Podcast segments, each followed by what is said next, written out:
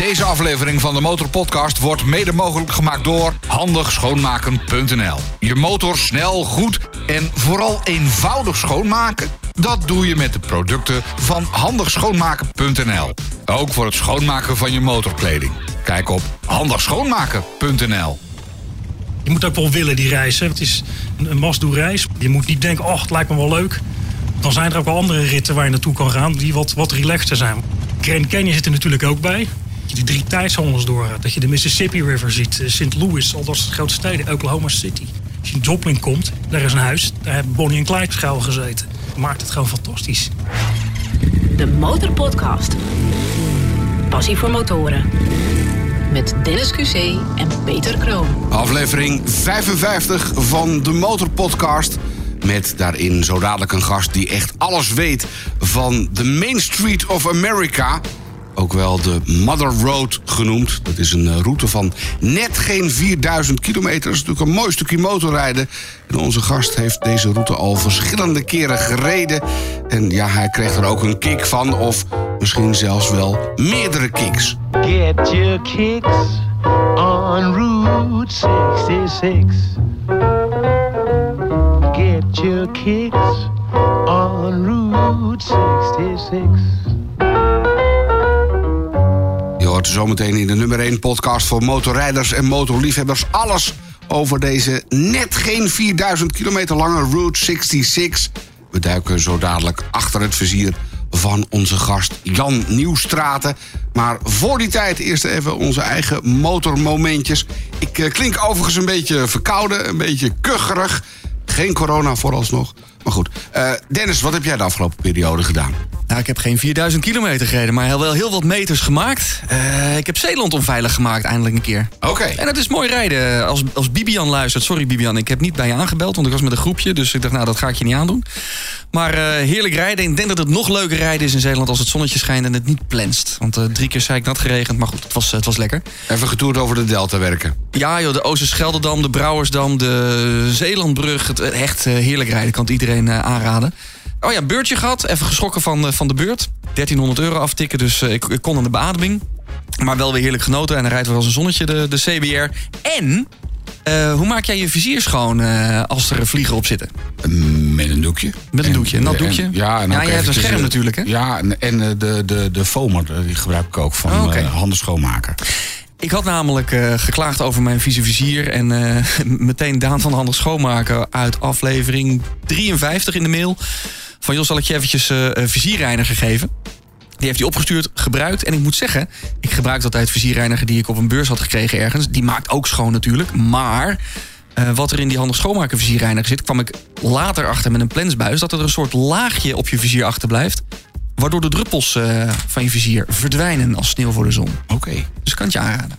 Heb jij nog gereden? Ja, ik eh, ben even op eh, Ibiza geweest. Dat, Lekker. dat zeg je van een eiland, hè? Je bent erop geweest. Ja, net zoals op Urk. Ja, op Ibiza geweest heb ik even met een motorscooter uiteindelijk. Want je kon er ook gewone motoren huren. Mhm. Eh, waren vooral café-racers en ja, van die enduro-dingetjes. En ik was samen met mijn meisje, dus ja, ik had zoiets van... eh, moeten we met z'n twee op zijn ding kunnen. Dus uiteindelijk is het een, een flinke motorscooter geworden. En daarmee kun je heerlijk over Ibiza rondrijden. En vooral eh, zeg maar aan de strand, of tenminste aan de kant van de baai... eh, richting het zuiden en zo. Daar heb je allemaal weggetjes die door de bergen en zo lekker slingeren. 15% hellingen, Zeewindje. haarspeldbochten en inderdaad toch ook de Zilte Zee die je dan ruikt. Dus dat was, dat was leuk om te doen. Maar ook getuige geweest van een ongeluk. Niet jijzelf, hoop ik. Nee, niet ikzelf. Ik eh, had weliswaar geen motorkleding aan, dus ik had wel een eh, spijkerbroek aan. Maar degene die eh, van zijn motorscooter afviel, ik reed richting een rotonde in de buurt van Ibiza stad. En daar ging het lelijk mis. Een motorscooter, weet ik veel, 500 cc zo'n ding, een vrij grote motorscooter, ging onderuit op een, op een rotonde. En dat was iemand met een korte broek. En dat zag er eh, gruwelijk uit. Dat was echt, hij kon wel nog staan, die jongen. Eh, Er waren gelukkig ook meteen mensen bij en zo. Echt zo'n been helemaal Ja, echt geschaafd en ook zo arm en zo. Dus eh, ja, kort, korte broek op de motor niet aan te raden. Toch doe je op vakantie, of het nou een motor, motorscooter of een scootertje is... doe je vaak dingen waarvan ik, nou, dat kan op vakantie wel. Ja, ja, nee, ja, ja, Slaat ook ik- nergens op, Ik, maar- ik moet ook eerlijk zeggen dat ik op een gegeven moment ben ik ook een stukje in de korte broek gegaan. En we dachten nog van ja, als het nu misgaat. Nou, Kom maar door met de klachten, jongens. Kom maar door met de klachten. ja, eh, maar uiteindelijk is het met mij wel eh, goed Gelukkig. En je hebt lekker vakantie gehad. Ja. De Motorpodcast. Achter het vizier van Jan Nieuwstraten, onze Road 66-deskundige. Jan, welkom in de Motorpodcast. Welkom. Thank you for having me. Zo, zo doen ze dat bij de Amerikaanse, de Amerikaanse podcast natuurlijk, eh, normaal gesproken. Eh, ja, die, die, die route, die Route 66, eh, hoe was het ook alweer? Hij gaat van Chicago naar Santa Monica, voor zover ik Je weet. zegt het helemaal goed, ja. Het, eh, iedereen zegt dat LA, dat is ook de grotere stad die ervoor ligt. Het is, eh, ja, hij gaat van, van Chicago naar LA. 2000 miles all the way. Ja, ietsje meer zelfs. Maar, en wij doen dan nog een detour via Las Vegas om er nog, eh, nog ietsje, ietsje vlees aan de bot te hebben. Ja. Dat het niet alleen maar Route 66 is. Ja. Je hebt ook een stukje Route 66 bij, ehm, eh, wat is het, Eh, bij Washington. Daar in de buurt zit ook een, tenminste daar ben ik zelf een keer per ongeluk op terechtgekomen. dacht ik, hè, Route 66 begint daarbij dat Arlington, hè, dat, dat enorme, al die graven. Ja, want hebben ze niet meegenomen in het eh, project toen ze daar in, eh, in 1925, 26 over, over begonnen zijn. Eh, dus het werd alleen de staten van, eh, wat, eh, van Illinois tot aan, eh, ja, ik, ga ze niet, allemaal- ja, ik kan ze allemaal opnoemen, maar tot aan Californië. Ja. Kom wat dichter bij de microfoon, dan kunnen we je beter Ja, verstaan. tot aan Californië, dus dat, eh, dat werd toen zo besloten. Ja. En ja, je, kan, je kan zelfs nog in Utah nog op een 66 rijden. Oké, dus er zijn nog veel meer. Ja, eh, ja, het is gewoon een highway nummer. En deze hebben ze gewoon. eh, het was nog geen interstate, interstate systeem. Dus toen hebben ze gewoon gezegd van eh, 66 moet het worden, want daar had iedereen een nummer over. Dus is het 66 geworden. Even, even heel simpel gezegd. ah, Oké. Hey, en eh, ja, hoe ben jij daarin verzeild geraakt? Nou, ik eh, ja, gewoon als motorrijder vroeger eh, begonnen met een leenmotortje van een vriend van mij. En eh, ja, op school zitten, geen geld hebben, dan denk ik, nou dan gaan we maar reis leiden. Dan kom je nog eens ergens. En ja, zo'n lieverlee gewoon op de Route 6 eh, reizen terecht te komen. En nou, ik doe het al meer dan 25 jaar. Nog steeds met veel plezier. Dat, eh, dat is gewoon, eh, ja, ik doe het in mijn vrije tijd. Het heet al freelance. Maar het is prachtig om te doen. W- Wanneer heb je hem voor het eerst gereden? 2002. En kan je nog herinneren hoe je je toen voelde? Ja, dat was, dat was, echt, dat was echt een fantastisch gevoel. Dat je, het, het, je ziet het op tv, je ziet het in films. Eh, je ontdekt allerlei dingen van, oh, is dat hier? Oh, is die film hier geweest? Ja, en zo ga je door. Inclusief natuurlijk ook de hit in de woestijn. Nou, en, en het is, eh, ja, weet je, dat is gewoon echt wel een vakantiegevoel. En je doet ook echt een reis. Je gaat door een, door een heel continent heen. Ehm, drie tijdzones. Ik zeg altijd, je moet het vergelijken met een rit van, van, van Rotterdam naar, eh, naar verder dan Istanbul. Eh, je gaat door de, de Alpen heen. En je komt ook op bergen tegen. Het wordt niet echt hoog, maar je gaat wel de bergen door. Ja, en een woestijn, je eindigt bij de zee. Dus dat, eh, ja, het is niet iets wat je even licht doet. En het, eh, het is altijd, kijk, als je budget hebt, ja, dan kan je tijd nemen. Maar de meeste mensen hebben niet zoveel tijd. En ook niet zoveel budget. Ja, dan zou je het gewoon in drie weken moeten doen. Natuurlijk, als je een maand kan nemen of een, half, half jaar, ja, dan kom je overal. Is dat ook de, want we hebben heel veel vragen gekregen. En een Ja. van de vragen is ook inderdaad van, wat is de ideale reisduur? Ja, de drie maanden als je de tijd ervoor Ja, neemt. Maar wat, je zou het, je, je zou het in, in, in drie weken wel moeten kunnen doen. Dat, eh, het, het, eh, het, het gaat niet. Ja, je moet ook wel willen die reis. Hè. Wij zeggen dat ook. Het is een must-do-reis, een maar je moet het wel willen. Je moet niet denken, oh, het lijkt me wel leuk. Dan zijn er ook wel andere ritten waar je naartoe kan gaan, die wat, wat relaxter zijn. Want er zitten ook gewoon vier dagen bij waar, waar veel minder Route 66 is, veel interstate. Ja, dan is het niet lullen, maar rijden. Dan, eh, en dan rij je daar. Dat, eh, dat moet wel gebeuren. wat is het verschil tussen Route 66 en de Interstate dan? De Interstate is de autosnelweg. Ja, En de Route 66, dat is echt, echt lokale autoweggetje, B-wegen, dat soort dingen. oké. En die Interstate is gewoon saai, rechtdoor. Ja, er zijn maar echt door vrachtwagens die om de oren voorbij vliegen. Want die rijden ook gewoon eh, de maximumsnelheid. Niet zoals hier 80, nee. Die knallen ook gewoon met 130 voorbij. Staat op jouw bucketlist, eh, Peter? Ik zou het eh, zeker nog wel eh, een keertje willen doen. Ja? Ik heb nog meer routes in die, in die kont rijden. Ja, ja. Hey, maar voordat we verder gaan over Route 66, waar rij jij op dit moment op? Een BMW R1200 RT uit 2012. En een, en een Versys eh, 650 uit 2018, een Grand Tourer. Ja, daar staat er nog een zundapje in mijn garage en nog een, een Suzuki A50P. Eh, die kent bijna niemand, maar daar zijn er minder van in Nederland dan zundaps. Oké, dus dat is echt een eh, collectors item. Met je nog Eigenlijk wel, ja. ja. Peter wordt warm bij de zon, dat Ja. denk ik. Ja. Ja, eh, nou, je ziet daar mijn. eh, de- nou, ik heb dan een krijtlertje. Of krijtlertje. Je ziet er prima uit, ja. Ja, die is eh, ook helemaal. eh, ja, er zit een motorkenteken op. Dus het is eigenlijk een A1 motorfietsje. Eigenlijk. ja. Maar staat nog op bromfietskenteken, maar ik moet even wat aan mijn voorrem doen. En dan gaat hij ook gewoon op motorkenteken. Oké, nou dan weten we ook hoe jij je verplaatst. De Motorpodcast. Gratis in je favoriete podcast-app. Ik wil het even hebben met je over die kicks van Route 66. Bezongen door eh, veel artiesten. In het begin eh, van de podcast hoorde je een stukje van Nat King Cole. Maar het is ook bezongen door de Stones. hè. De kicks van Route 66. Wat zijn dan die kicks? Eh, wat is er geweldig aan? Ja, het, het is een, een reis die heel veel mensen toch wel eh, heel nostalgisch vinden, legendarisch. Eh, het ligt ook wel aan hoe je het zelf brengt. Want je kan natuurlijk gewoon eh, als een reisleider gaan rijden. En dan is het van, ja, dan hebben we hier een tankstation. En nee, je moet wel wat dingen bij vertellen. Dan gaat het ook leven. Eh, ja, wat ik zeg, ik vind het, ik vind het gewoon... Het, ik ben sowieso van het reizen. Dus het reizen zelf vind ik al een doel. En het... het, het, het gewoon dat je, nou wat ik al zeg, je die drie tijdszones doorgaat. Dat je de Mississippi River ziet, St. Louis, al dat soort grote steden, Oklahoma City. Eh, Grand Canyon zit er natuurlijk ook bij. Eh, ja, je krijgt gewoon echt wel dingen te zien. Hè, waar, wat, je, ja, wat ik zeg, wat je thuis... Of, mensen kennen Amerika natuurlijk alleen maar van tv en film. Ja, daar rij je gewoon alsof je een film rijdt. En dat maakt het gewoon fantastisch. Dus wat doe jij dan anders dan andere reisleiders of als iemand zelf gaat rijden? Ja, het is natuurlijk, heb alles met voorbereiding te maken. Wat is er nieuw? Eh, wat, is, eh, wat is niet meer aanwezig? Is er al een weg weggespoeld? Dat soort zaken. Kan je ook op Google Maps doen. Maar je hebt het dag zelf natuurlijk ook nog doen. Even de rit controleren. Maar je moet, eh, ja, ik, ik, ik probeer ook de verhalen achter bepaalde dingen te krijgen. Dus eh, als er een hotel is of er is ergens een tankstation en daar hebben valse munters in gezeten, zeg maar. Ja, dan zeg ik, je bij het tankstation gaan staan. Je kan ook het verhaal vertellen, daar heb je valse munters in gezeten. Als je in Joplin komt, daar is een huis, daar hebben Bonnie en Clyde eh, schuil gezeten. Dat, dat, dat, dat treft de mensen wel.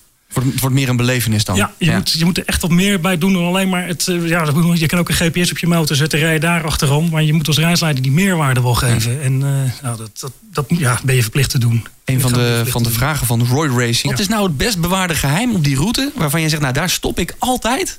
Dat moeten al, mm, al alle mensen met wie ik rijd, die moeten dat plekje zien. Dat, eh, ja, daar rij je zo voorbij. Nou, iedereen Ja, dat bedoel het. ik, het best bewaarde geheim. Want ik voel zo meteen de muziek eh, opkomen. En eh, als die film begint, eh, van Easy Rider, dan, nou best wel waardig ruim, dat zijn er misschien wel twee, maar dan zie je ze de brug overrijden. Ze gaan op weg naar Louisiana, maar in het echt heb ik er ook gestaan. Toen dacht ik van, hé, hey, ze rijden terug Californië in. Dat is voor de film natuurlijk. Maar dat, daar kom je dan ineens achter dat ze eigenlijk voor de film teruggereden zijn. Maar ze moeten eigenlijk de andere kant om, naar het zuiden.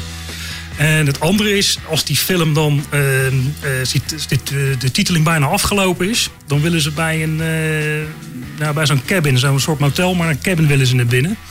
En ja, dan doet die man, er staat vacancy boven. Je, als, iedereen kent die scène aan het begin, want het gelijk aan het begin. Er staat een vacancy. En dan komt er echt zo'n heel Billy naar buiten en die ziet die, die twee hippies staan. Die gaat stampvoetend weer naar binnen. No vacancy dat punt ga ik altijd heen en dan doe ik altijd die hele scène na. En dan gaan mensen s'avonds kijken en op, ja, ik kan nou op YouTube kijken. Ja, dat 20 jaar geleden was het anders. en dan zeg ik, ja, dat is echt exact hetzelfde die jij het Jij, gedaan hebt. jij kan natuurlijk ook de mooiste verhalen van valse munters eh, verzinnen bij een of andere eh, krot Ja. wat er staat. En zeggen, ja, dit, de, wijs- de wijsheid komt uit boeken. De wijsheid komt uit boeken. En natuurlijk, internet is er ook. En eh, ik, ik maak ook gebruik van, ja, dat is toch wel de Bijbel. Ik maak ook wel gebruik van, van Jerry McClanahan's Route 66. Die heeft al verschillende edities. En die houdt een website bij met de laatste updates. Een zwart-wit boekje.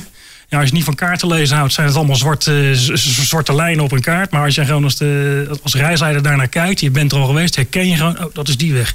En oh, daar zit nog een bruggetje.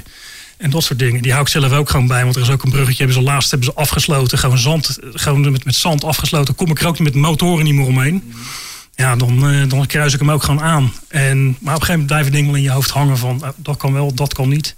En soms, nou, ze hebben laatst een heel nieuw stuk Route 66 in Californië erbij gedaan. eh, als je naar eh, San Bernardino gaat. Dat was eerst eh, een afgesloten weg. Nu kan je gewoon helemaal de Route 66 rijden zonder die interstate te pakken.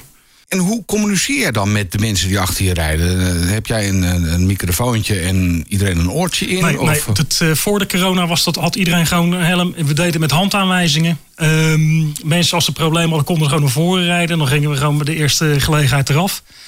Eh, nu, ja, ik, wat ik al zeg, ik heb nu ook een mooie pack talk systeem op mijn helm zitten. Dat zal in de toekomst anders worden, want je kan nu gewoon direct met de mensen praten. Wat ik wel goed vind, maar moeten mensen natuurlijk wel discipline hebben. Want als ze de hele dag brabbelen en jij wat te melden, je komt er niet door, ja, dan heb je het ook eh, het kind met, de met het badwater weggegooid. Ehm, ik, ik vind het wel een verbetering, maar we hebben het nog niet toe kunnen passen. Maar dat zal, dan kun je je wachten, de mensen gaan met Sena of met Pack Talk gaan ze rijden. Nou ja, kanaaltje 1 tot en met 9, kies er maar één uit. Ja, en hoe, met hoeveel mensen rij je dan?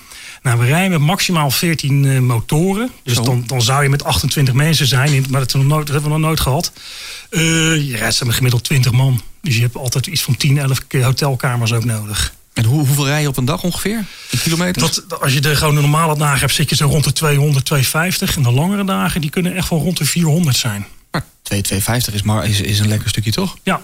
Goed Ja, te je doen. Moet, Ja. je moet op tijd weg zijn. Want ja, zijn reis blijft een avontuur. Dus Sommige mensen denken wel eens dat ze op een weekendje Winterberg zijn. En dan maakt het niet uit hoe laat je weggaat. En als de route te lang wordt, pak je een shortcutje terug naar het hotel. Ja, dat kan bij deze niet. Want je reis gaat door. Het is net de Tour de France. Je moet door naar het volgende hotel. En je weet niet wat de dag gaat brengen. Dat is het avontuurlijke er ook aan. En op, ja, op die manier eh, ja, kom meestal zo rond vier, half vijf bij het hotel uit. Is dat later, dan is er wat gebeurd onderweg waar we een vertraging door hebben gehad. Dan geeft het nog niet. Maar ja, als je om tien uur weggaat, dan loop je al twee uur achter. De Motorpodcast. Wat is het meest avontuurlijke wat je hebt meegemaakt? En een hagelstorm Een hagelstorm? ja, in de woestijn. Dat was niet te geloven. Ja, En dat- dan? Wat doe je dan? Je kan niks. Je kan alleen maar doorrijden. Het is, eh, het is nog dicht en dan dichte mist. Gewoon echt en zulke keien naar beneden ook. Hè. Van, eh, nou, is het? Nou, dat waren ijsklonten. Nog geen eh, sinaasappels gelukkig. Ehm, Maar dat doet toch gewoon pijn? Ja. Ja, ja, dan ben je blij dat je leren jas aan hebt. En dan moet je doorrijden, want het, eh, het is echt een lokaal buitje. Het is niet de hele dag. Het is, ineens is hij er. En dan, eh, dan moet je gewoon doorheen en rustig door blijven rijden. En hopen dat er niemand gaat remmen uit paniek. En dan kom je eruit. Maar dat zijn dingen, dan, eh, dan wil je even geen reisleider zijn. Dat is. maar goed, is één keer gebeurd. Oké. Maar dat ben ik ook nooit meer vergeten. Ik denk zo. Ja. Als je nou een wolk ziet, ga je denken: van waar gaat hij heen?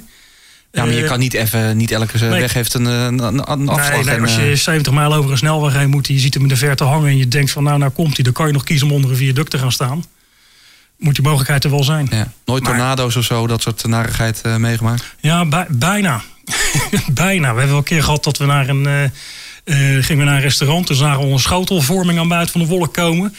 En dan was tornado warning, was in Oklahoma trouwens. En eh, toen eh, gingen we na het eten gingen we de lobby in, gingen we naar het, eh, die hotelier en.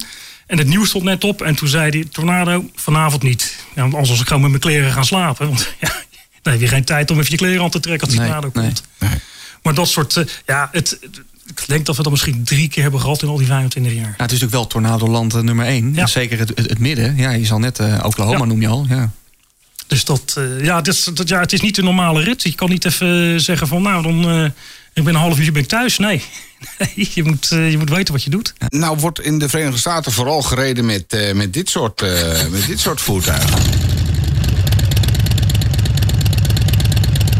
Hier in Nederland heb jij, heb je er niet zo eentje. Nee, omdat ik het in Amerika kan. Oké. Kijk, Je pakt altijd een Harley. ja, de beste motor dus blijft een huurmotor.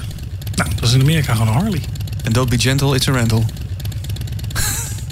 Meestal, meestal ja, maar dat is.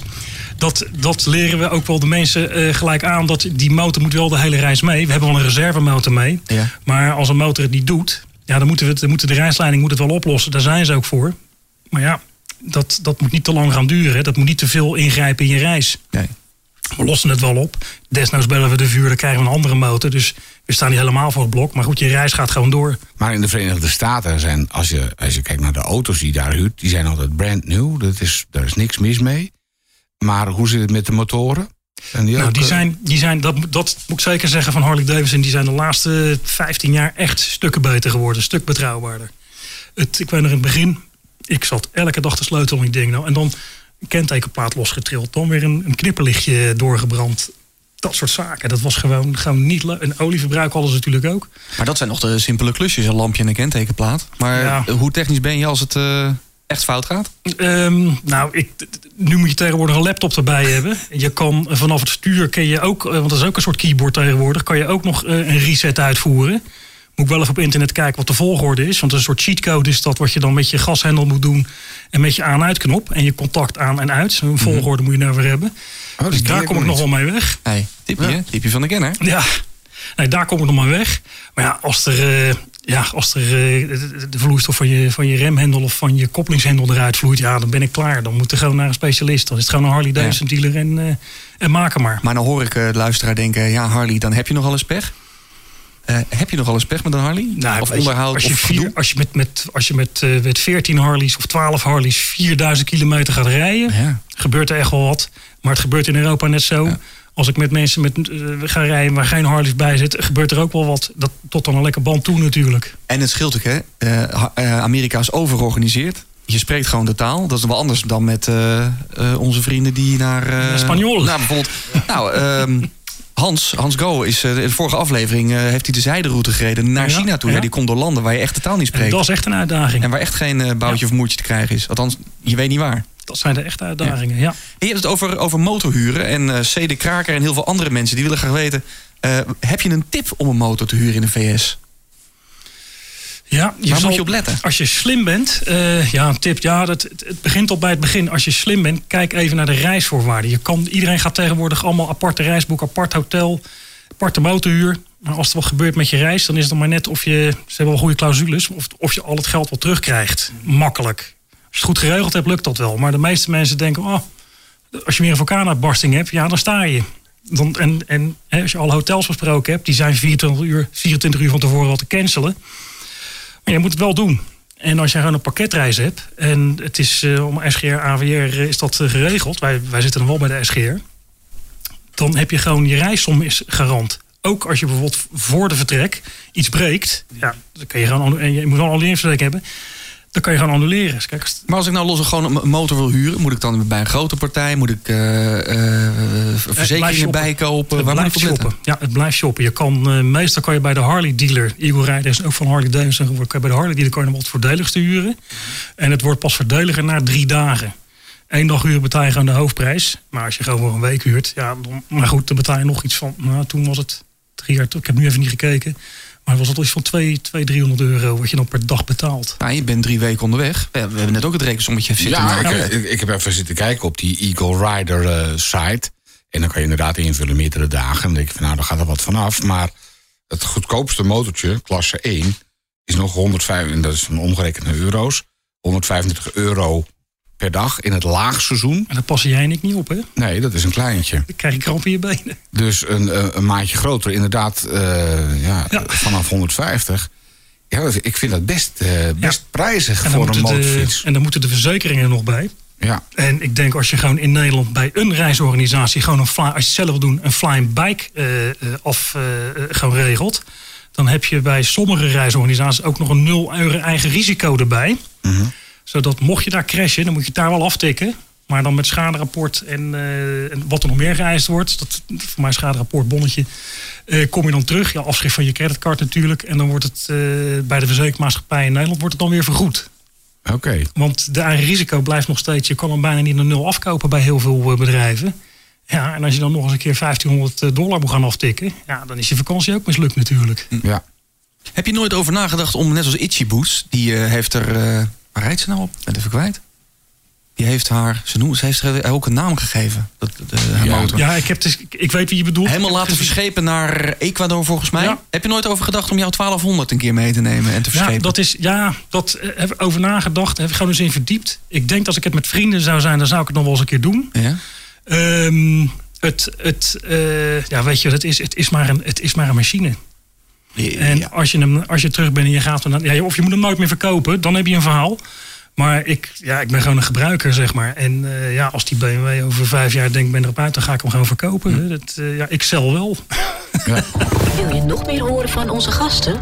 Word dan vriend van de Motorpodcast. Kijk op demotorpodcast.nl. Wat eh, heel veel motorrijders natuurlijk doen, is eh, eh, de, de weg opzoeken met de mooiste bochten. Of het nou een dijkje is of weet ik veel waar. En wij vroegen ons dat ook af, maar Wim Boonzaaier vraagt zich ook af. eh, waarom is hij nou zo populair onder motorrijders? Omdat het het grootste deel toch rechtdoor is. En Multistrada RH vraagt ook... wat maakt dat rechte stuk rijden voor motorrijders nou zo mooi? Het is natuurlijk gewoon het idee. Je kan ook de A2 af. Ja, nee, maar het is natuurlijk gewoon het, het idee van... ik heb de Route 66 gereden. Ja. En het, het is ook best wel een prestatie. Want ehm, ja, als je in Chicago begint... in het begin met 33 graden... Ah, dan ben je blij dat je rechtuit kan rijden. Dan eh, hoef je niet zo hard de bochtjes door. Nee. En ehm, ja, als je dan de woestijnen komt en het eh, wordt er ineens, nou, eens een hittegolf gehad, 52 graden, dan ben je ook blij dat je in je hotel bent. Maar er zitten wel bochten aan hoor. Dat, eh, zeker het laatste gedeelte, als je naar open gaat, dat zijn flinke ravijn en, her, en eh, haarspelbochten. En het laatste gedeelte pakken wij de Highway 2. Die gaat langs Newcombs Ranch. Mensen kennen Newcombs Ranch van die oude film op YouTube van Twist of, Twist of the Wrist. Staan ze voor Newcombs Ranch. En nou, dat is gewoon een hele mooie bergweg. Dat is gewoon echt zwieren, zwaaien. En, maar goed, het is de laatste dag alleen. Nee, Route 6 meer, dat zeggen we ook, moet je alleen doen als je het echt wil. Als je echt, eh, echt wil bochten rijden, dan kan je er voor, ja, voor corners heb je dan nog. En natuurlijk eh, de, de, de Western Experience, of de, wat vroeger de California Highlights was. Want daar ga je alleen maar eh, die Sierra Nevada Mountain Range in. En dan, ga je, en dan kun je nog dingen zien ook. Stomme vraag misschien, maar rij je altijd van oost naar west? Of, of rij je hem ook met, met eh, reizigers wel eens van west naar Nee, oost? altijd van oost naar west. Altijd van oost naar Ja, Waarom? Altijd oost naar west. Ja, dat is, dat is voor de mensen de richting. Het heeft met eh, geschiedenis te maken. Eh, je hebt, eh, Amerika bestond eerst tot aan de Mississippi River, waar St. Louis ligt. Op een gegeven moment kwam de Louisiana Pur- Purchase. Toen werd Amerika weer twee keer zo groot. Niet heel Amerika, want Spanje had nog de, hele, de hele westkust. Toen is de expansie ook begonnen naar, naar het westen toe. De, in St. Louis, die, die arch, dat is ook een Jefferson Memorial Park. Dat, heb, dat is ook daaraan te bedanken dat het eh, westen uitgebreid, of dat Amerika naar het westen uitgebreid is. Oké. Ik had beter op moeten letten met geschiedenis vroeger. Ja, ja, ja, ja. Je rijdt er dus van oost naar west. Ik, ik wist dat niet. eh. Ja, dus je ging van oost naar west. En niet te vergeten, er was natuurlijk al, voordat de Route 66, maar er was, het was in dezelfde tijdperk, was natuurlijk ook al eh, de Lincoln Highway in het noorden. Alleen die weg was natuurlijk in het winter, want dan gaat hij de bergen over. Was die niet begaanbaar. Dus je kon alleen maar, eh, als, me, ja, als het niet te hard sneeuwde, ja, kon je dus naar San Francisco komen. En er moest gewoon een weg zijn die altijd eh, bereikbaar was. En dat is, eh, dat is gewoon de Route 66 natuurlijk ook geworden. Route 66 is zo populair omdat het ook een beetje een soort ja, het vrijheidsgevoel net na de oorlog. En daar, Ja. dat, dat zit er ook een beetje aan vast. een beetje legendarisch is het daardoor geworden. Het is, het is natuurlijk gewoon de weg naar Hollywood geweest. Het heeft ook te, maken met, ehm, en dat komt door John, John Steinbeck's boek, The Grapes of Wrath. Eh, daar werd het verhaal beschreven van eh, alle arme boeren. Nou, zitten we met de boeren weer. alle arme boeren die, eh, die natuurlijk eh, het grond bewerkten, maar zo hard bewerkten dat ze de wortels losgetrokken hadden, dat het eh, zand allemaal wegwaaide. Dan kregen die dustbowl. En toen moesten ze naar het, eh, naar het beloofde land. Daar konden ze dan eh, sinaasappels eh, plukken voor heel veel geld. Ja, toen ze daar kwamen, konden ze gewoon in de rij gaan staan. Ze werden gewoon uitgebuit. Ja, en wat daar toen gebeurde met de mensen uit Oklahoma... en nog meer mensen die, die van, van oost naar west gingen... ja, her- herhaalt zich altijd in de geschiedenis. We hebben dit hier met, met seizoensarbeiders ook gehad. Dat ze werken bij een baas en ook wonen in een huis van hem. Ja, dat gebeurde daar toen al. Het is als oudste mens er is. Dus dat is, dat is de mensheid. Dus ja, nou, maar daar is die ook eh, beroemd door het. Juist door dat boek is die beroemd geworden. Als je de film ziet, die is wel mooi. Dan gaan ze ook de hele Route 66 over. En dan zie je nog gewoon eh, de Route 66 zonder interstate erachter. Dus Gallup, alle stops doen ze. Fantastisch. Je luistert naar eh, de Motorpodcast, de nummer 1 podcast voor motorrijders en motorliefhebbers. Als je ons wat te melden hebt, doe dat via de mail info@demotorpodcast.nl of vind ons op de socials. Nou, hebben we het al eerder gehad over de kicks van Route 66. Maar eventjes, eh, ja, wat zijn voor jou die kicks? Of ja, wat is voor jou de ultieme kick van Route 66? Ja, nou, kijk, voor mij is eh, het gewoon het. het nou, dat je even niet aan het werk bent. Dat je gewoon eh, echt iets, eh, echt tenminste wat ik erg leuk vind om te doen. Eh, mensen helpen, eh, dingen uitleggen. Ik, eh, ik ben altijd wel blij als mensen aan het eind van de rit zeggen... we hebben het gehaald, maar ik heb ook wel het idee dat ik wel een betere motorrijder ben geworden. Want ik leg natuurlijk ook wel dingen qua veiligheid uit. Ehm, ja, dat zijn... eh, dat, dat, ja, gewoon het door het land heen rijden. Ik, ik blijf het fantastisch vinden. Gewoon de, de natuur die je ziet. ehm, de verschillen in natuur. De, nou, op het laatste, de laatste dagen natuurlijk die bergweggetjes erbij. Dat maakt het helemaal af. Dat maakt het echt helemaal af. En natuurlijk eindigen bij de Santa Monica Pier. En daar een biertje opentrekken. Een Precies. Budweiser. Nou, meestal wel een champagne dan. Maar, eh, het wordt daar gedoogd dat je daar een champagne opentrekt. Dus in Amerika, dan mag bijna niks. Hey, jij bent een beetje Amerikaan Ja. eigenlijk, hè? Ja. Vertel.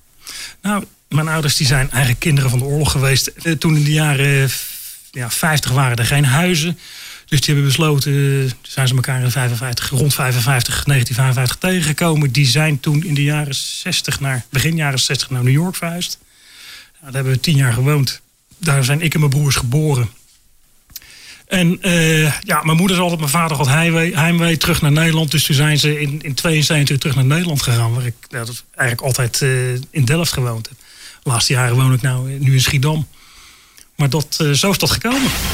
De Motorpodcast. De motorpodcast.nl Het is wel lekker rijden in Amerika. Althans, ik kan me die highways nog herinneren. Is gewoon veel banen. Weet ik wel, 8, 9, 10. Ja, die interstates, ja. En gewoon lekker keep your lane. Dus niet rechts rijden, maar gewoon lekker rechtdoor tuffen. En jij had het ook, al, Peter, over eh, je mag vrij rechtsaf. Altijd. Tenminste, eh, tenzij anders aangegeven, mag Ja. je, is rechts vrij bij eh, stoplichten. Ja, no turn on red staat er nog wel bij als het niet mag. En first come, first serve. Gewoon Ja, de dat- eerste die komt heeft Dat is wel voorrang. een valkuil. Dat, Oh. eh, en als, een, eh, als je bij een kruising komt en het licht staat op rood te knipperen, dan is het, een, een, een, eh, dan is het een, inderdaad eh, first, first come, first serve. Dus dan is het wie het eerst stopt, mag als eerste gaan. Ja? Maar, en dat weten heel veel mensen niet, eh, en dat wordt het wel levensgevaarlijk, je hebt ook voorrangswegen. Dan staan er alleen maar twee stopborden. En cross traffic does not stop. Oké. Dan moet je niet denken, ik ben gestopt en nou rij ik op. Hé, hij rijdt door. Nee, dat staat er ook een heel groot bord onder. En dat zijn die dingetjes die de mensen ook uitleggen van... er zijn uitzonderingen.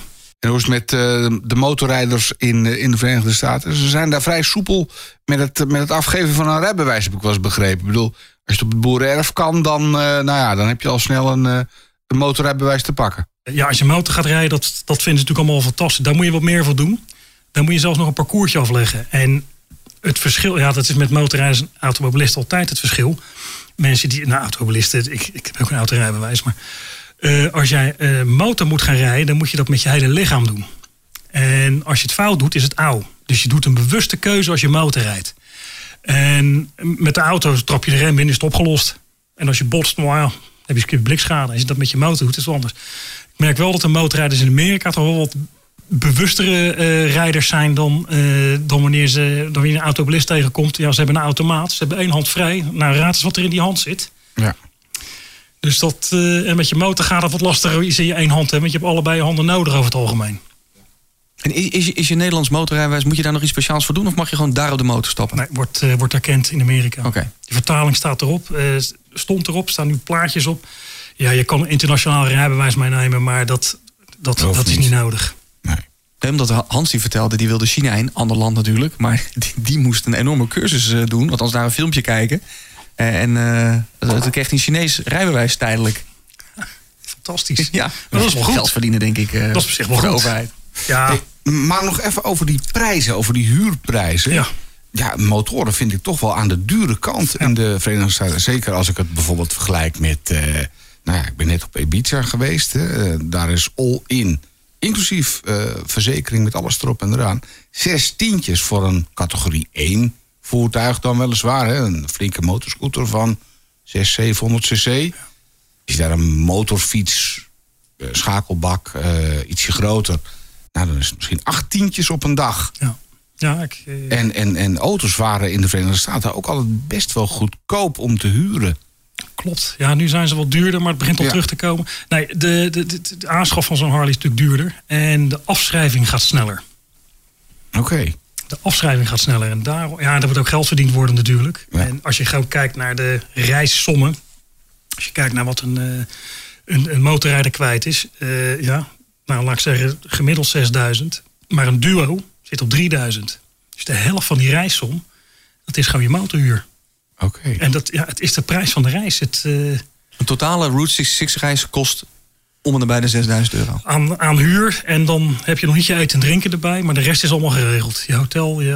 Maar tel dat er dan eens op, want Gentle Motorcycle vraagt zich het af. Wat kost het met vliegen, motor, slapen, eten en benzine? Nou is eh, vliegen discutabel op dit moment qua prijzen, maar Ja, dat, nou ja, dat. eh, nee, ik denk dat je, ik denk als je, ja, je moet wel een budget meenemen, maar ik, als je 50, ja, als je souvenirs wil kopen, denk als je 50 euro per dag reserveert, ja, dat zal nu wat meer zijn.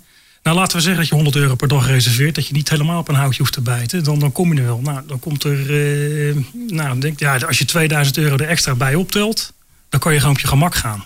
Dus 6000 voor de reis en 2000 Ja. voor eh, En dat hou je over, dan ga je over, ja, of je moet je overal helemaal leeg kopen. Maar dat is, dat is ook niet meer zo interessant. Want de meeste spullen in Amerika kan je hier nu ook krijgen.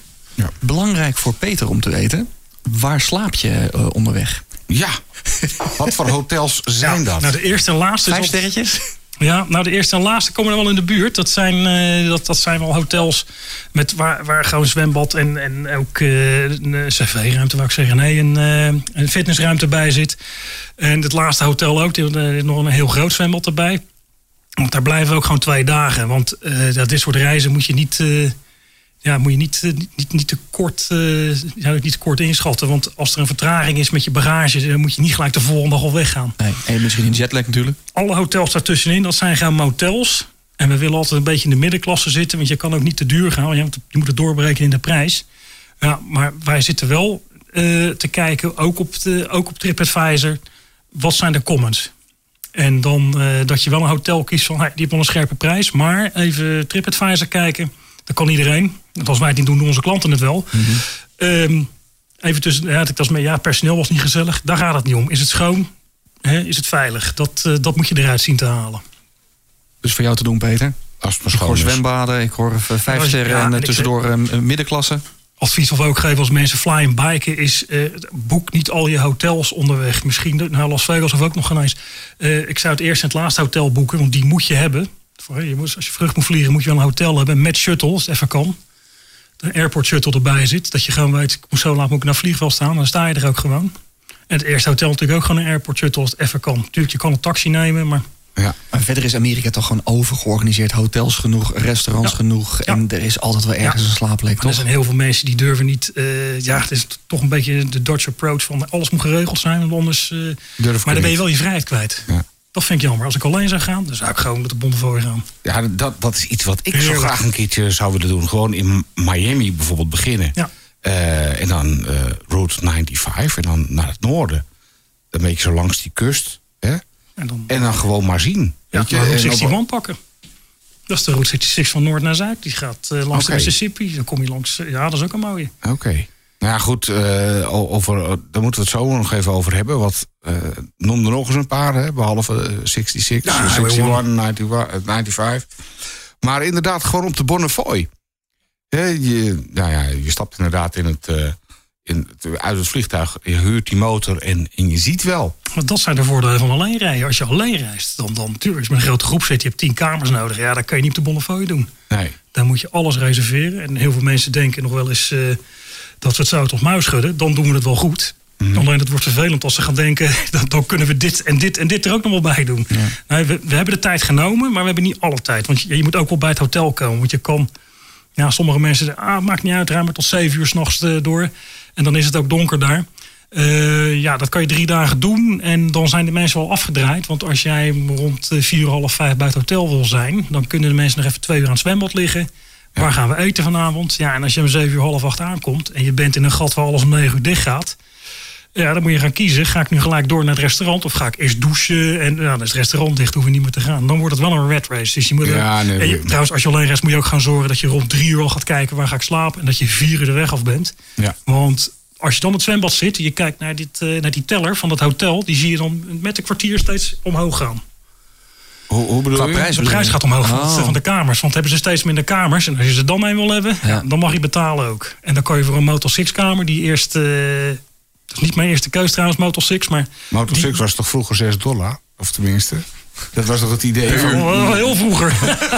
nee, dan was, eh, nee, maar die was dan, eh, die begint dan, eh, als je geluk hebt, zo'n hele kamer leeg aan op 60 dollar. En op een gegeven moment, eh, als het etenstijd is, staat hij op 120. Ja. Gewoon voor dezelfde kamer die jij hebt. Ja, als je s'avonds laat aankomt, ja, dan heb je geen keus meer. En dan moet je dokken.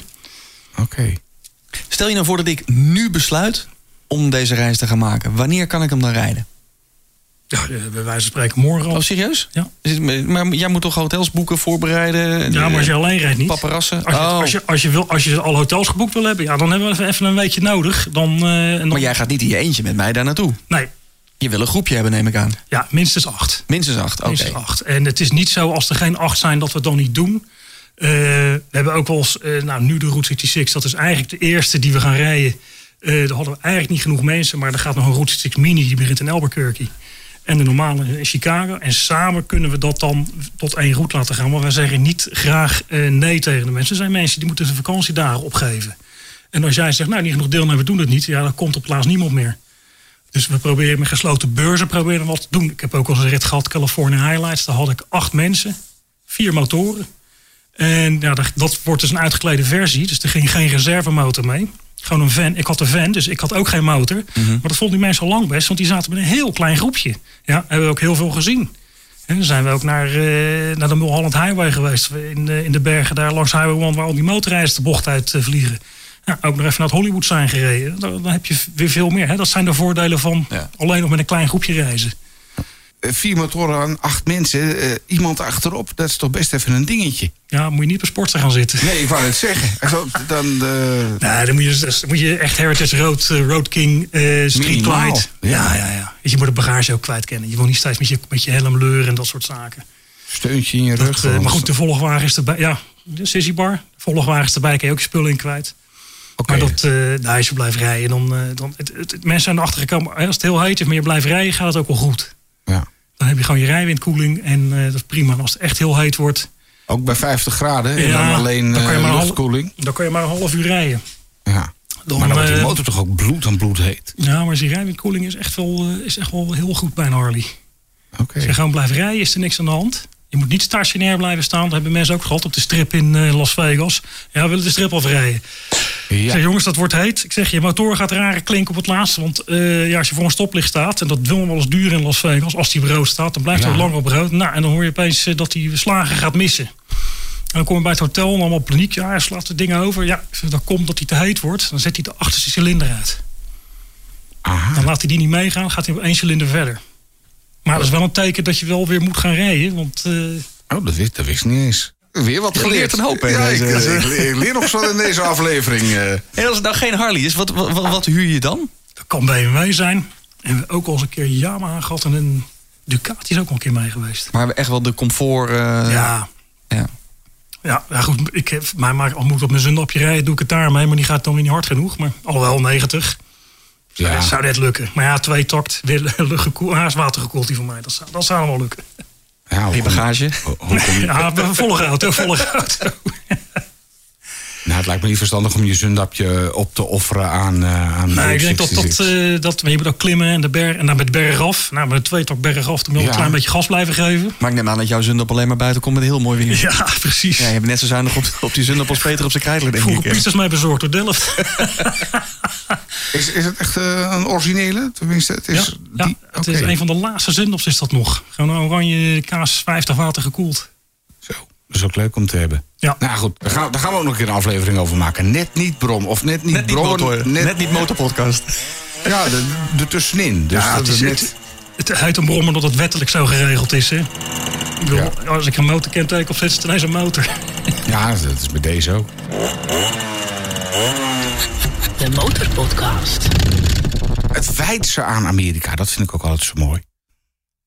Hè, dus je, je rijdt daar rond en je denkt van... Oh, die, ja, die, dan, dan begrijp ik de Amerikanen ineens. Hè, van de, We hebben een rit gehad. eh dus had, had er iemand pech gehad. En toen kwamen we inderdaad met... het, met, met zonsondergang kwamen we binnen. En nou, eigenlijk was het was prima temperatuur. Ja, en dan, dan is het... nou, dan heb je... De Harley Dick er nog wel radio op zitten.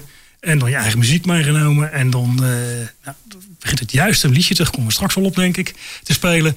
En dan denk ik, ja, het is eigenlijk wel een perfecte dag. En dan, en, en dan kom je bij het hotel en dan zeggen de mensen, nou, dan ging het er eigenlijk best wel goed. En zelf zit ik dan, ja, het is een beetje in duigen gevallen.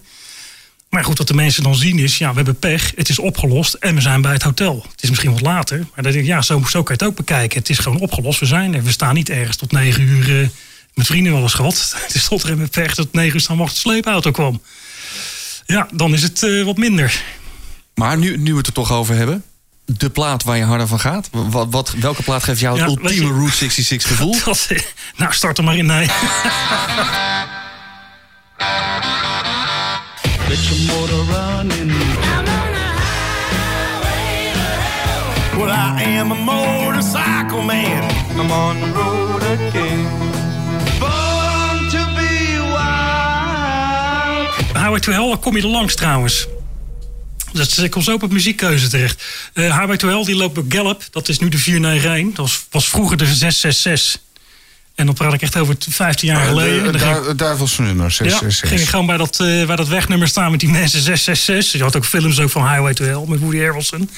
En, eh, en opeens hadden ze het veranderd. Ik denk, waar is 666 nou gebleven? Ja, de stijgersreisleider. Ja, we hadden 666. Hebben ze 491 van gemaakt. Ja. En Photoshoppen toch? En inderdaad, voor het bijgeloof van dat nummer had, hebben ze het veranderd. Nee, het nummer, nee ik weet nog, eh, we kwamen een keer, nou, dat is met zonsondergang binnen. En ik had een verzamelcd van Toet Stielemans. En daar zat een nummer bij van Silje Nergaard en Toet Stielemans van Last Night When We Were Young. Zeker als je wat ouder bent, spreekt hij het nog, nog meer aan.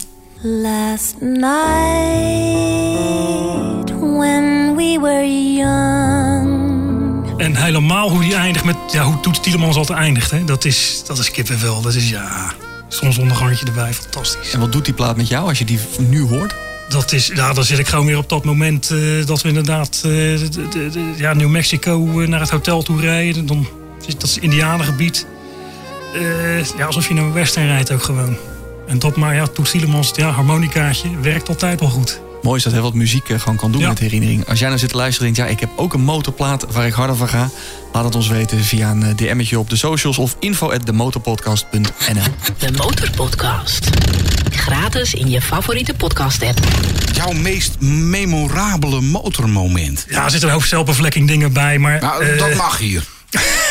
wij, vinden dat niet erg. Het is, eh, het is eh, ik, weet nog dat, ik weet nog dat ik, je had de NVVM in Nederland in de jaren negentig en dan kon je motorfiets winnen. Nou, ik had geen geld, dus een motorfiets winnen, dat was altijd mooi. Ging ik die behendigheidswedstrijden meedoen. En op een gegeven moment eh, kon ik, eh, nou dat duurde wel twee jaar voordat me dat lukte, want dat lef had ik niet. Maar met de step aan de grond gewoon draaien. Echt heel kort. Dat, en dat doe ik nog steeds. Dat, vind ik, dat is fantastisch. Dat is zelfs een knietje aan de grond in een bocht. Eh, maar goed, dat is dezelfde vlekken. Wat heb je nog meer? Ehm, Maar dat heeft iets mooiste- met Route 66 gemaakt. ja, Route 66. eh, ja, eh, dat was dan niet zozeer de Route 66, maar meer bluff eh, inrijden vanaf eh, Maar Colorado. wacht even, heb je die motorfiets ook gewonnen? nee, nee, nee. Oh, dat is weer jammer. Nee, jammer. nee, nee, ik, heb wel een, eh, ik heb wel een voorronde gewonnen. Zo je best gedaan. Ja, een mooie jas aan overgehouden. Nou ja. Dat dan weer wel. Een mooie jas aan overgehouden. Maar nu even een echt memorabel moment. Dat is, eh, dat is Monument Valley land.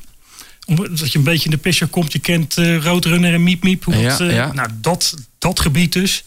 Die. Rotsen en droogte. Ja, dan rijd je die bochten door. Dat is echt bocht curvy, omhoog, omlaag. En dan, eh ja, alsof je in een western rijdt. Fantastisch. Dat is echt fantastisch. En dan, sa- en dan s'avonds een barbecue, hè. Maar wat was je meest memorabele moment dan daar? Eh, ja, naar Monument Valley gaan. De allereerste keer Monument Valley. Dat ken je van, eh van How the West Was Won, die film. En dan sta je daar. En Maar dan, omschrijf het eens dan, die, die valley, hoe ziet die eruit? nou, dat is waar die drie rotsen in staan. Oh, ja. Die drie rotsen in Die staan. grote rode blokken. En in de film, Mega eh, groot. Ja, en alleen in die film leggen ze dan een trein aan die er nooit gelegen heeft. Maar gegeven het gaat om de film. Ja, en dat is trouwens ook mooie mu- filmmuziek die daarbij zit. Die, eh, maar je mag hem niet meer op eh, YouTube erbij zetten. Want Nee. dat is eh, niet meer poortvrij. Ja, dat is gewoon mooi. Nou, het allermooiste motormoment. En ik denk, ik denk dat dat... dat was toen ik in de telecom werkte. Dat is, nou, dat is waarschijnlijk nog een oudere weg dan de Route 66. En we kennen hem allemaal, maar we hebben er waarschijnlijk niet allemaal op gereden. Dat, ik, ik, ik, nou, laat ik van begin beginnen. Telecom, ik deed de metingen bij Orange. Ik was de, ik was de, de, management supervisor voor, de, het meetgebeuren van alle netwerkdekking van Orange in Nederland destijds. En in het strand, op het strand hadden ze een probleem met bellen. Als jij op Scheveningen zat, je liep de duinen in, kreeg een dropped call. En niet één keer, het gebeurde bij iedereen. En we hadden het vermoeden dat Zandvoort, met mooi weer zie je Zandvoort liggen vanaf Scheveningen, dat, dat die het probleem gaf. Want als je op Zandvoort de antenne zat, dan geeft die niet meer terug naar Den Haag, zeg maar. Want dat is een ander gebied. Als je net aan stand ligt, ja, dat maakt het niet uit. Hè, signaal draagt ver over water. En nou, dan moest het toch maar eens het hele strand bekeken worden, hoe die dekking zat. En toen kwamen ze, ja, dan moet er een landrover. En ik denk, nee, nee, geen landrover. Ik heb nog een XT'tje 3,5. eh een oude, oude GV-koffer. Veldonderzoek op de Met je meetapparatuur. Ja, precies. Achterop. Laptop erin, meettelefoons erin, GPS erbij. Op mijn scherm had ik al een tablet van wifi. Dan kon ik, kon ik zien wat er gebeurde. En eh zo'n stapel vergunningen, 12 vergunningen. Het waren toen 12 gemeentes en, en, en waterschappen. En een sleutel van de gemeente Sluis in, eh, in Zeeland. en heb ik in drie dagen, want ja, je kan het in één dag rijden, maar ja, je moet een meting verrichten. Dan heb ik in drie dagen over het hele st- Noordzeestrand vanaf Sluis tot aan eh, Den Helder heb ik gereden.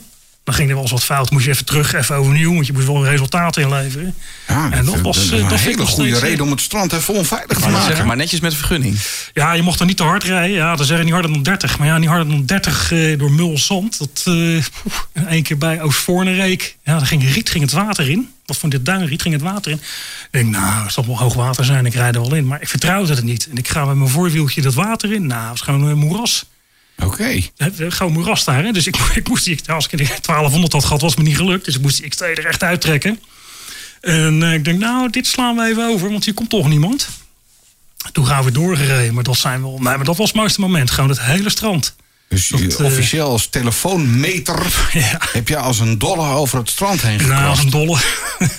Even Je langs. kan, eh, je kan niet te hard springen, want dan springt er weer zo'n kabeltje los. Dan moet je weer stoppen, kabeltje verbinden, Oh, nee, meting moet- opnieuw starten. Maar je moet natuurlijk ook testen of het bij hoge snelheid, eh, of die mobieltjes het blijven doen. Dus dan even langs, eh, langs die kustlijn eh, vol gas. Ja, dat, eh, dat, ja, als het heel stil is, kun je het ook wel gewoon doen. En zo zie je maar, Route 66 is mooi, maar de Nederlandse kust is Ja, ook mooi. absoluut. Ik wil het zo nog even met je hebben over andere mooie routes in Amerika. Want er zijn er meer dan eh, 66 natuurlijk, die ook nog mooi zijn. Maar we hebben nog eh, posten. Oké, de post. De Motorpodcast. Post, onder andere eh, reactie op aflevering 53, de vorige aflevering over handig schoonmaken. Patrick Walburg die schrijft... Jammer dat de Daan geen uitleg gaf over het echt reinigen van de ketting. Die kun je niet met een schuimlaagje cleanen. De motor speelde eh, een belangrijke rol in het cleanen van je bike. Ja, we hebben natuurlijk wel heel veel over schoonmaken van de motor gehad. Maar uiteindelijk ging het natuurlijk ook om de passie van Daan. Eh, met een beetje schuim krijg je de kuipdelen wel schoon, maar niet je hele blok. Nee, Patrick, daar heb je wel gelijk in. En als je je ketting natuurlijk echt schoon wil maken, ja, dan moet je er iets meer borstelen en speciale kettingreiniger en zo voor gebruiken. Dus eh, eh, dat weten we, maar we wilden het niet altijd technisch maken. En we hebben nog nieuwe vrienden eh, van de Motorpodcast die we moeten bedanken. Grote en kleine bedragen worden gesponsord door Hans58 en Justin15. Thanks voor het zijn van vriend van de Motorpodcast. De Motorpodcast. Hoe maak jij je motor schoon, Jan? Ja, ik heb er twee. Dan heb ik die Cardone, ben je gauw klaar mee. Maar ik heb die, Ideaal. eh, ik heb die Versailles nog. Die maak ik inderdaad met een borsteltje schoon, de ketting, maar met lampolie. Met lampenolie. Ja, lampolie, gewoon van de, van de kruidvat. En eh, gewoon in een oud eh glasseksbusje erop spuiten, niet laten inwerken. Gewoon de, gelijk, gelijk borstelen, afnemen met een droge doek. En dan de olie erin spuiten, maar alleen op de, op de O-ringetjes. En die kan je dan aan de zijkant nog eventjes... eh, Want je, het enige wat je doet met smeren is de, zorgen dat de ketting niet roest. Ja. Want als je, de, ja, als je denkt dat het... Ja, het, het eerst in het begin smeert het nog wel. Maar er zit zoveel kracht op dat, eh, op dat schalmpje wat de hoek omgaat eh, van je ketting. Dat drukt de olie zo weg. Nee, het is het roesten van je ketting tegen. Want die O-ringen, die zorgt voor de smering. En, en hoe maak je de rest van je motor schoon dan? Ja, ik, ik heb ook gewoon, gewoon een motorcleaner even in laten werken. En dan afspuiten. En in de was zetten, dat is wel belangrijk. Gewoon in de was zetten. Dan eh poet je nog eens wel dingen die je soms zie je als oliespetters zitten. Als je een beetje goede was hebt, veeg je dat zo weg. En dan is die echt glimmend schoon. Wij kunnen je de producten van handigschoonmaken.nl aanraken. Dan krijg je een handige foamer bij. Eventjes je motor goed infomen. Even wachten, een kopje koffie gaan drinken. Kom je na een paar minuten terug. Goed je motor afspoelen. En klaar. Ja, dat, daar is bijna op. Dus dat gaan we dus voor volgende week. Handigschoonmaken.nl. Goeie tip. Nou ben je hier in Nederland actief als, of je werkt in de telefonie en dat soort dingen. Zou je niet permanent Ja. gewoon naar de Verenigde Staten willen? Als Want ik, je hebt nog steeds volgens mij een, een Amerikaans paspoort. Ja, dat is de escape. Dus die, green, fout die green card hoef jij niet, eh, niet te halen. Nee, nee het, eh, het, nou, het is nu wel heel. het is nu de, meer de vervelende staten van Amerika aan het worden. Als ik daar kan werken, maar dan op, op, onder, Nederlands, onder Nederlandse wetgeving, dan zou ik het zo doen. Dus ik gewoon uit.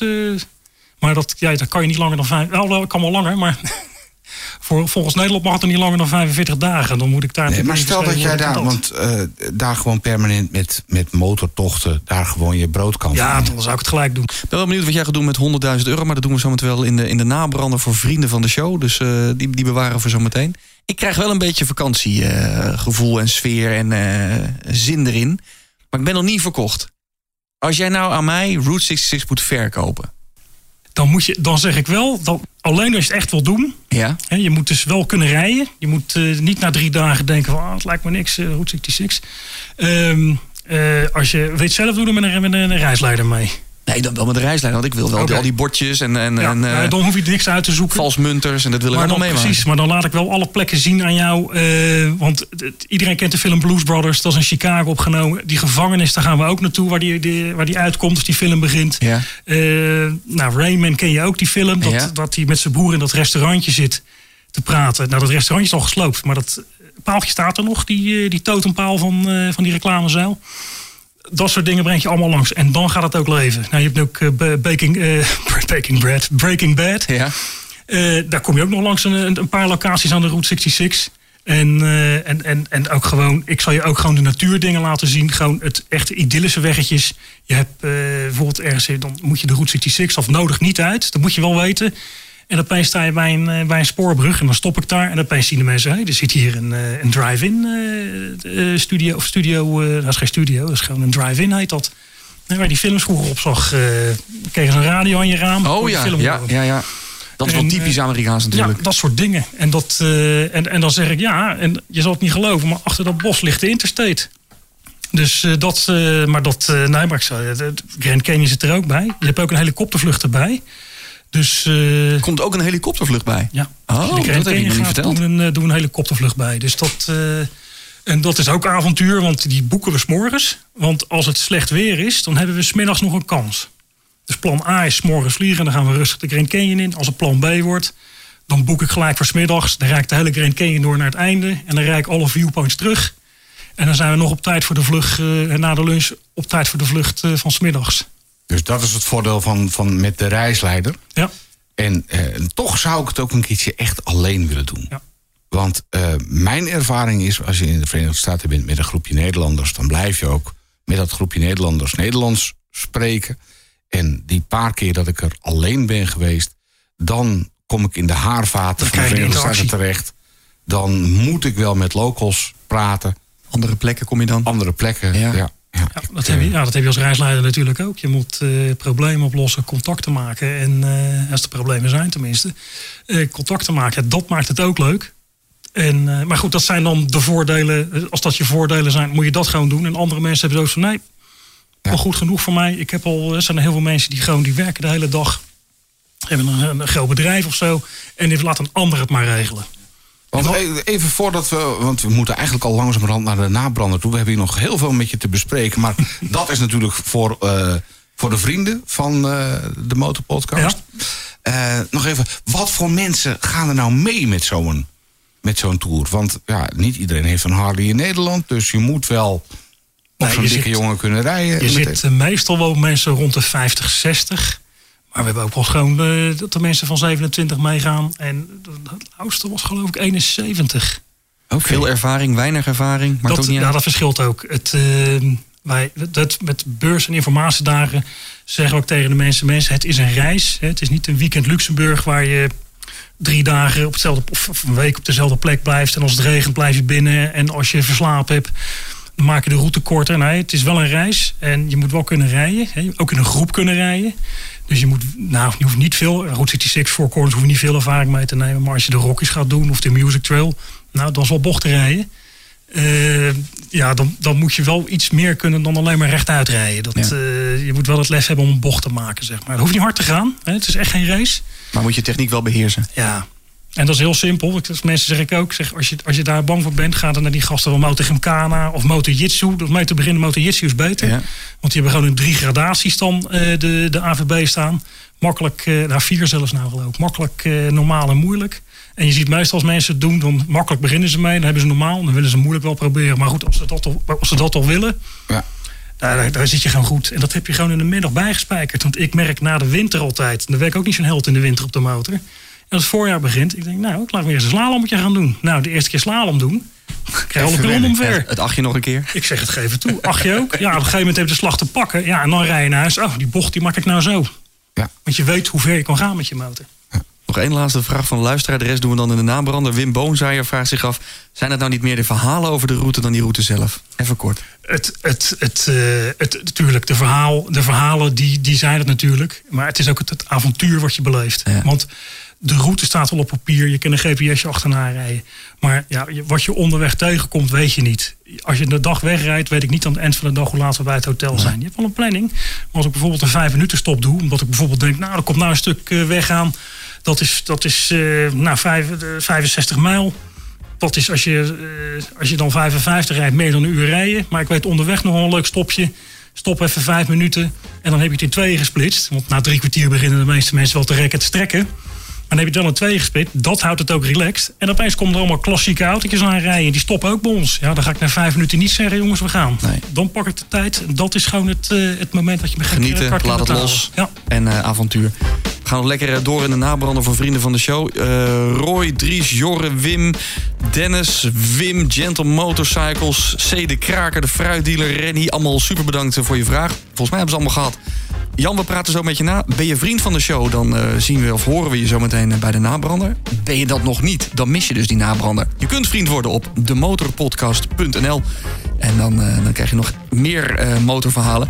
Vind je de podcast nou leuk? Deel hem dan met andere motorrijders. En abonneer je nou, want dan krijg je automatisch de volgende aflevering. En dat wordt er weer eentje met een vrouw. Niet zomaar een vrouw, want we gaan praten met eh, Irma Knol. Die naam die kan je bekend voorkomen, want dat is inderdaad de moeder van Enzo Knol.